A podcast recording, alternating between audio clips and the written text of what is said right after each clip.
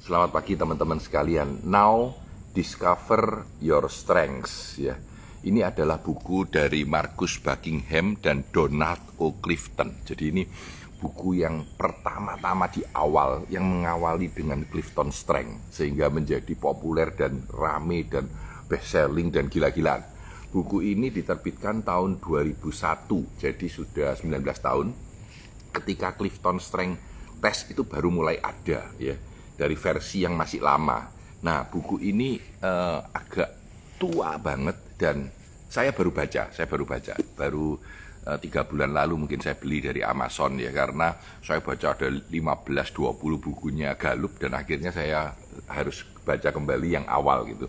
Dan buku ini menarik sekali, dia cerita tentang bagaimana awalnya uh, Galup uh, Clifton Strength itu ditemukan. Jadi pertama kali apa yang mereka cari di awal-awal sekali dia itu bilang yang ingin kita buktikan salah adalah dua asumsi di perusahaan. Yang pertama bahwa setiap orang mampu melakukan apa saja. Dan yang kedua, setiap orang itu bisa tumbuh kalau kelemahannya kita betulkan. Nah, menurut Galup ini adalah kesalahan terbesar di dalam memanage orang kita. Ya, dia bilang bahwa uh, ketika dia menulis buku ini, dua orang ini ya, da, uh, Marcus Buckingham dan Donald Clifton, dia bilang kita itu harus paham bahwa semua organisasi harus mengakomodasi bahwa setiap orang mempunyai kelebihan yang tidak sama dan justru it must capitalize on these differences. Jadi kita harus justru memfokuskan pada keperbedaan ini dan membuat perbedaan ini justru menjadi kuat. Ya, ini disebut now discover your strengths. Jadi temukan strength Anda. Nah, pada pada tahun 2001 ini ya 2001 sekarang sudah banyak angkanya lebihan. Dia meriset 198 ribu orang dan tanya at work do you have the opportunity to do what you do best every day di dalam saat Anda bekerja apakah Anda sudah menggunakan kelebihan Anda, kekuatan Anda setiap hari. Nah, pertanyaan ini dilempar kepada 198 ribu orang ya, dan hasilnya adalah hanya 20% saja yang bilang ya saya mengerjakan sesuatu yang memang saya sangat mampu ya yang sangat mampu. Nah, ternyata dia bilang 20% ini justru orang-orang yang sangat hebat ya, yang sangat sukses. Sehingga nanti kalau bapak-bapak ibu-ibu mencoba melakukan galup Q12 test, engagement test, itu ini pertanyaan pertama, apakah Anda sudah melakukan hal-hal yang yang memang Anda mampu lakukan setiap hari? Contohnya saya, saya tiap pagi bikin review buku ya, ini saya sangat mampu, saya sangat kuat dan saya sangat suka gitu. Jadi jadi uh, buat saya ini sesuatu yang menyenangkan dan bermanfaat gitu. Contohnya begitu ya. Nah, buku ini menceritakan bagaimana kita akan mengalami apa yang disebut dengan strong life, strong life atau kehidupan yang kuat ya. Ketika kita atau ke kehidupan yang hebat, ketika kita setiap hari melakukan pekerjaan yang kita memang mampu lakukan ya. Kita mampu melakukan sesuatu, kita akan melakukannya dengan lebih baik. Kita akan lebih suka melakukannya. Kita lupa waktu untuk melakukannya. Itu kalau kita melakukan sesuatu yang sangat powerful, di mana kita akan menjamin apa yang disebut dengan strong life, strong life ya. Nah, ketika kita berbicara dengan strength, apa sih maksudnya strength? Jadi ini supaya definisi yang pendek sekali, yaitu a near perfect condition almost every time. Setiap kali kita mengerjakan sesuatu, kita berada pada uh, keadaan yang paling bagus. Jadi kita sudah maksimal gitu ya. Jadi itu akan mempredik performan Anda bahwa per, per, per, performan Anda akan menjadi hebat gitu ya. Nah, dia bilang Nah, ketika kita berbicara tentang talent atau tema atau talenta, itu apa sih? Talenta itu kebiasaan atau pattern kita, recurring pattern, recurring pattern dari kebiasaan kita. Jadi setiap orang itu cara pendekatannya berbeda. Setiap orang itu melihat kehidupan dengan cara yang berbeda. Kita bisa melihat dalam talenta itu ada banyak sekali cara melihatnya. Nah, di buku ini dilihat ditunjukkan ya dia bilang the traces of talent the traces of talent ketika kita melihat talenta itu gimana kita pahamnya talenta dia bilang uh, yang pertama yearning yearning ya yearning yaitu orang yang merasa kangen dengan melakukan sesuatu biasanya itu menunjukkan talenta ya. Lalu yang kedua, rapid learning. Ketika Anda belajar sesuatu, cepat bisa, cepat bisa ya. Minta maaf, kalau Anda membaca buku dan melakukan review, mungkin Anda butuh waktu tiga hari, empat hari, lima hari, tidak tentu selesai. Mungkin saya hanya butuh tiga jam untuk baca buku, skimming, melihat yang penting, lalu mereviewnya dengan teman-teman sekalian. Itu merupakan rapid learning, di mana saya melakukan kegiatan ini, saya cepat sekali belajarnya. Itu yang yang kedua. Dan yang ketiga, dia bilang, yang ketiga, yaitu flow. Ketika Anda mengerjakan ini, Anda lupa waktu, ya anda lupa waktu, lalu Anda merasa, waduh nikmatnya tanpa sadar udah lewat waktunya udah tiga jam. Ya itu yang ketiga. Dan yang keempat itu disebut uh, glimpse of excellence. Jadi Anda ketika mengerjakan itu, Anda mengerjakannya dengan sangat bagus. Ketika saya mengerjakan review, orang bilang, Pak review Bapak bagus loh, mengilhami kami gitu. Ya itu itu karena berarti saya mempunyai talenta dalam melakukan review ini gitu ya. Dan yang terakhir satisfaction, yaitu kepuasan. Ketika kita mengerjakan ini, kita itu merasa puas dengan keadaan yang saya hasilkan gitu. Dan saya karena itu saya tiap hari sudah 164 review yang saya lakukan ya. Karena karena saya puas dan saya suka gitu ya. Nah, Clifton Strength dari buku ini sebetulnya awalnya Gallup Clifton Strength Test yang saya versi satu yang kuno ya itu dari buku ini mulainya. Jadi di sini dibilang bahwa e, talenta itu dibagi dalam empat kelompok lalu dibagi dalam 34 tema atau 34 talenta dan bisa diambil. Anda bisa masuk ke www.gallup.com lalu mengambil Clifton Strength Test ya. Tesnya 314 ribu kalau saya nggak salah ingat, 314 ribu sekarang. Ya dan Anda mengambil tesnya dan Anda membaca tesnya ini ya. Jadi uh, ya lima tadi adalah flow, glimpse of excellence, satisfaction. Yang pertama adalah yearning, Y E A R N I G, yearning atau kerinduan, kerinduan. Dan yang uh, flow, glimpse of excellence, satisfaction, yearning, dan satu lagi adalah uh, Rapid learning, rapid learning. So you learn very rapidly. Nah, ini beberapa pertanyaan. Dia bilang ini pertanyaan-pertanyaan yang ada di dalam orang ketika mulai melakukan ini ya. Apakah uh, saya harusnya fokus pada eh, tema-tema besar saya? Iya, iya, iya. Ya. Anda harus fokus pada tema di mana Anda sangat kuat. Contohnya, salah satu kekuatan saya itu adalah activator. Saya mudah melakukan uh, aktivasi terhadap sebuah ide. Jadi buku ini tadi idenya adalah kemarin malam kebetulan saya posting tentang storynya Sarah di dalam uh, posting saya sebelum ini. Jadi saya pikir ah sudahlah besok bicara soal ini. Saya pagi saya ambil buku ini, saya lihat lagi apa yang belum dan saya sharingkan pagi ini ya. Jadi uh, ada activator yaitu dengan cepat Anda mampu merubah kegiatan. Hai Rizwan, teman saya di Galup. Uh, kenapa saya berbeda dengan orang lain? Yang temanya mirip atau sama dengan saya? Ya karena tidak hanya tema itu saja yang berperan, bukan hanya satu atau dua, tapi kombinasi dari tema-tema itu ditambahi dengan latar belakang kita, cara kita menghadapi kehidupan. Jadi tema itu ada yang mentah, ada yang mateng, ya. Kalau tema itu masih mentah, sebagai contoh ya, tema saya mentah misalkan mentah itu saya futuris, saya itu suka memikirkan masa depan. Maka saya jadi pemimpi, suka membayangkan ABC, tapi nggak pernah mengerjakan apa-apa. Tapi kalau saya sudah mematangkan tema itu menjadi strength atau kekuatan, melihat sebuah situasi, saya dengan cepat akan mampu mengakses, wah ini yang terbaik yang akan aku lakukan. Dan segera aku putuskan apa yang akan aku lakukan. Nah itu perbedaan antara tema yang mentah raw talent dengan mature talent, talent yang mateng ya. Uh, beberapa pertanyaan lain. How can I manage around my weaknesses? Bagaimana saya akan memanage kelemahan saya kalau di antara kekuatan dan kelemahan ada?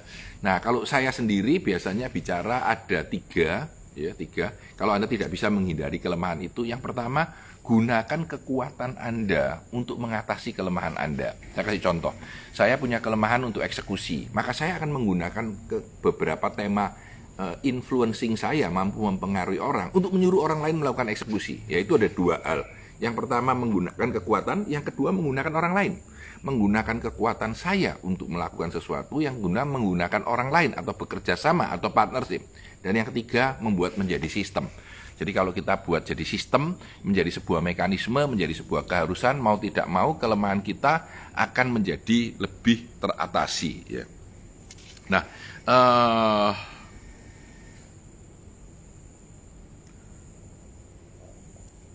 Are there any obstacles to building my strength? Yes. Jadi kalau ada bakal kesulitan kalau Anda meng, meng, meng, membangun kekuatan Anda, ya. Karena Anda malas untuk melakukannya, Anda, Anda tidak mau untuk melakukannya. Jadi kalau Anda, nah bayangkan nah, ada, ada cerita yang cukup sederhana dan lucu, saya sering pakai di dalam seminar saya. Anda bayangkan Tiger Woods, ya, Tiger Woods yang jagoan main golf, dengan Steve Jobs, ya Steve Jobs dengan Gandhi, tiga ini ya anda bisa bayangkan nggak kalau Anda pindah pekerjaannya? Nggak cocok gitu. Atau Mozart main piano ya. Nah, orang itu beda karena itu orang membangun dirinya dari talentanya. Kalau talentanya saya bangun, saya kuatkan, saya akan menjadi orang yang lebih hebat. Kalau saya tidak menggunakan talenta saya, ya saya tidak akan tumbuh. Dan ini yang paling sering ditanyakan orang kepada saya, Pak, apakah ini akan menunjukkan pekerjaan yang cocok buat saya? Jawabannya iya dan tidak. Maksudnya iya dan tidak itu secara samar-samar memang bisa mencocokkan hal itu, tetapi tidak selalu benar, tidak selalu benar. Nah, untuk menjelaskan itu saya ceritakan cerita yang baru saya posting kemarin malam tentang Sarah ya. Cerita ini dari bukunya Strength Best Selling sebenarnya. Jadi Sarah ini dari seorang yang lulus S1 lalu jadi sales, dia nggak seneng sekali karena penjualan di toko itu toko kaca ya ceritanya ya. Toko kaca itu selalu uh, menjualnya dengan cara bombastis. Jadi membawa contoh, membawa palu, duar kaca orang pecah. Kalau kaca saya tahan ya. Lalu dia menunjukkan bahwa wah ini loh kaca terbaik dunia. Wah berteriak-teriak menunjukkan ini kualitas terhebat gitu ya dan seterusnya. Nah Sarah ini tipenya bukan seperti itu. Dia tidak bisa komunikasi, tidak bisa teriak-teriak, tidak bisa menyuruh orang. Maka dia nggak nggak setuju dengan pemikiran itu. Dia akhirnya dia nangis dan penjualan dia nol terus sampai bulan ketiga. Nah pada saat hari-hari terakhir dia disuruh bosnya untuk menawarkan kaca sebagai sebuah presentasi ya karena diminta oleh uh, apa namanya rumah kaca di seberang. Dan akhirnya Sarah bilang ya udah nggak apa-apa aku aja gitu. Walaupun uh, sulit buat dia. Dan bosnya ketawa-ketawa di belakang karena dia tahu pabrik kaca itu sudah tujuh kali dikasihkan penawaran tidak pernah beli. Waktu Sarah pulang dia datang ke tempat uh, rumah kaca itu dia foto foto-foto ya lalu dia lihat, lalu dia foto, lalu dia kebetulan kenal seorang om, omnya dia yang memang juga bekerja di rumah kaca. Dia seminggunya itu dia datangi omnya, dia tanya-tanya. Selama setengah hari dia pelajari semua rumah kaca. Lalu dia tanya tentang pendapatnya omnya terhadap rumah kaca yang dia foto itu. Lalu dia ngobrol panjang dan dia buat presentasi ya. Dan hari Selasa, waktu dia presentasi, dia awali hanya dengan kalimat yang sederhana. Dia bilang, pabrik eh, rumah kaca Anda telah menghamburkan satu juta dolar setiap tahun karena salah memilih kaca. Lalu dia dengan pelan aja menjelaskan apa kesalahan yang ada. Orangnya bilang, ah oh, masa gini dia pelan menjelaskan satu demi satu ya. Sampai bosnya turun ikut mendengarkan, sampai chief engineer dipanggil turun, bak ahli tanaman dipanggil dan dijelaskan satu-satu dari kemiringan kaca yang salah, ketebalan kaca yang salah, gelapnya kaca yang salah, tingginya yang salah. Tuh jelaskan satu-satu semua ya. Tapi akhirnya apa yang terjadi? Rumah kaca itu beli kaca baru di pabrik kaca ini dalam jumlah terbesar yang pernah diterima oleh pabrik kaca ini. Jadi akhirnya Sarah menjadi seorang sales yang hebat. Yang menarik dari cerita ini bukan tentang Sarah jadi seorang sales, tapi Sarah itu tipikalnya bukan seorang sales. Dia seorang yang sangat analytical, ya, sangat menganalisa sesuatu, deliberatif, hati-hati banget, selalu melihat sesuatu dari kacamata apa yang bisa salah, ya. Dan dia bukan seorang yang berbicara dengan baik, tetapi dia menggunakan talenta yang tepat untuk mengerjakan sesuatu. Nah, ini sering di dalam seminar saya ketika saya berbicara tentang strength. Contohnya dalam menghadapi sebuah kejadian. Apa pun kejadian yang dihadapi itu. Misalkan Anda akan mendamaikan dua orang yang bertengkar. Saya tanya sekarang kepada Anda. Ada dua orang sahabat Anda sedang bertengkar. Apa yang Anda lakukan? Tergantung talenta dan strength Anda itu apa gitu. Kalau talenta Anda dan strength Anda ini adalah bagaimana berbicara, Anda akan mengajak orang A berbicara dengan baik, Anda mengajak si B berbicara dengan baik, lalu ber, berargumentasi dengan mereka. Kekuatan WOO, WU Anda akan Anda pergunakan supaya kedua orang ini bisa bekerja sama dengan baik ya.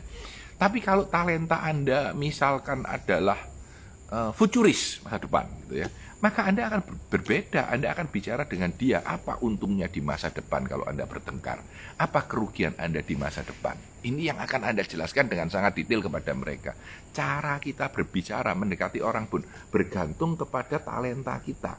Kalau talenta kita sudah kita asah, kita investing ke dalam talenta kita dan merubahnya menjadi strength. Kalau Anda ingat tadi strength adalah near perfect condition ketika Anda mengexecute every time ya. Maka Anda akan menjadi sangat powerful karena Anda telah menggunakan talenta Anda ya. Ada tiga keunggulan sederhana. Yang pertama adalah ketika Anda menggunakan talenta Anda, Anda merasa mudah. Dan yang kedua, Anda merasa suka karena itu memang talenta Anda, Anda tidak merasa berat ya. Dan yang ketiga, Anda akan mendapatkan hasilnya secara nyata. Dari tiga talenta itu, tiga keadaan itu akan membuat Anda mampu untuk mendevelop talenta Anda menjadi strength ya. Talenta Anda menjadi strength ya. Tiap orang beda, cara berpikirnya beda ya. Dan dengan menggunakan talenta yang benar, talenta yang benar, kita akan akan berjalan lebih jauh. Kita akan punya kehidupan yang lebih kaya, ya. Kita akan punya kehidupan yang lebih kaya, ya. Jadi inilah kekuatan dari talenta. Dan yang terakhir dia bilang di buku ini, yaitu dia bilang building a strength based organization, membangun organisasi yang penuh dengan strength, building a strength based organization, ya. Building a strength based organization membangun sebuah organisasi di mana setiap karyawan itu melakukan hal yang dia kuat, dia mampu, dia bisa.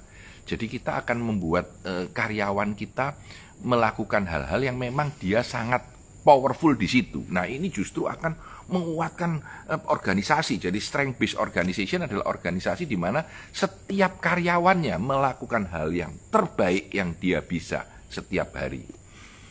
Itu janjinya dari Q12. Kalau engagement Anda kuat, Anda menggunakan strength Anda dengan lebih powerful, maka pelan-pelan organisasi itu akan tumbuh dan tumbuh dan tumbuh dan tumbuh dan tumbuh dengan hebat ya.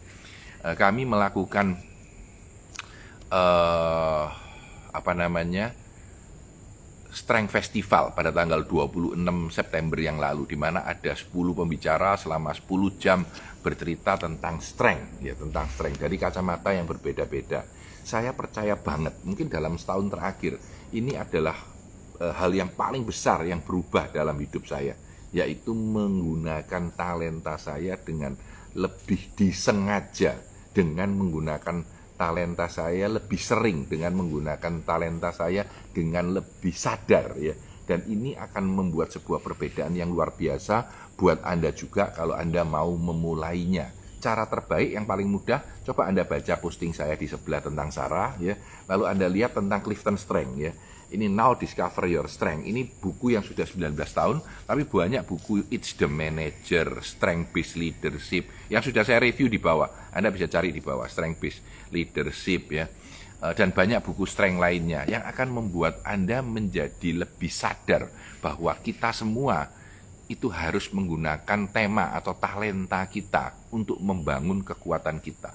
Sehingga saya dengan Anda akan berbeda, sukses kita akan mencapai tujuan yang sama-sama besarnya, tetapi dengan cara yang berbeda, yang sesuai dengan diri kita masing-masing. Oke, uh, 2 November, review buku yang 160 something ya. Uh, dan semoga ini bermanfaat buat teman-teman semua. Terima kasih buat hati-hatinya. Ya, thank you. Selamat uh, pagi hari Senin. Saya harus seminar pada jam 8 ini ya sudah menjadi kebiasaan. Jadi sekarang sudah every day tinggal jalan jalan jalan jalan gitu aja. Ini akan membuat uh, membangun strength saya menjadi lebih kuat. Saya Tanah Di Santoso sukses selalu untuk Anda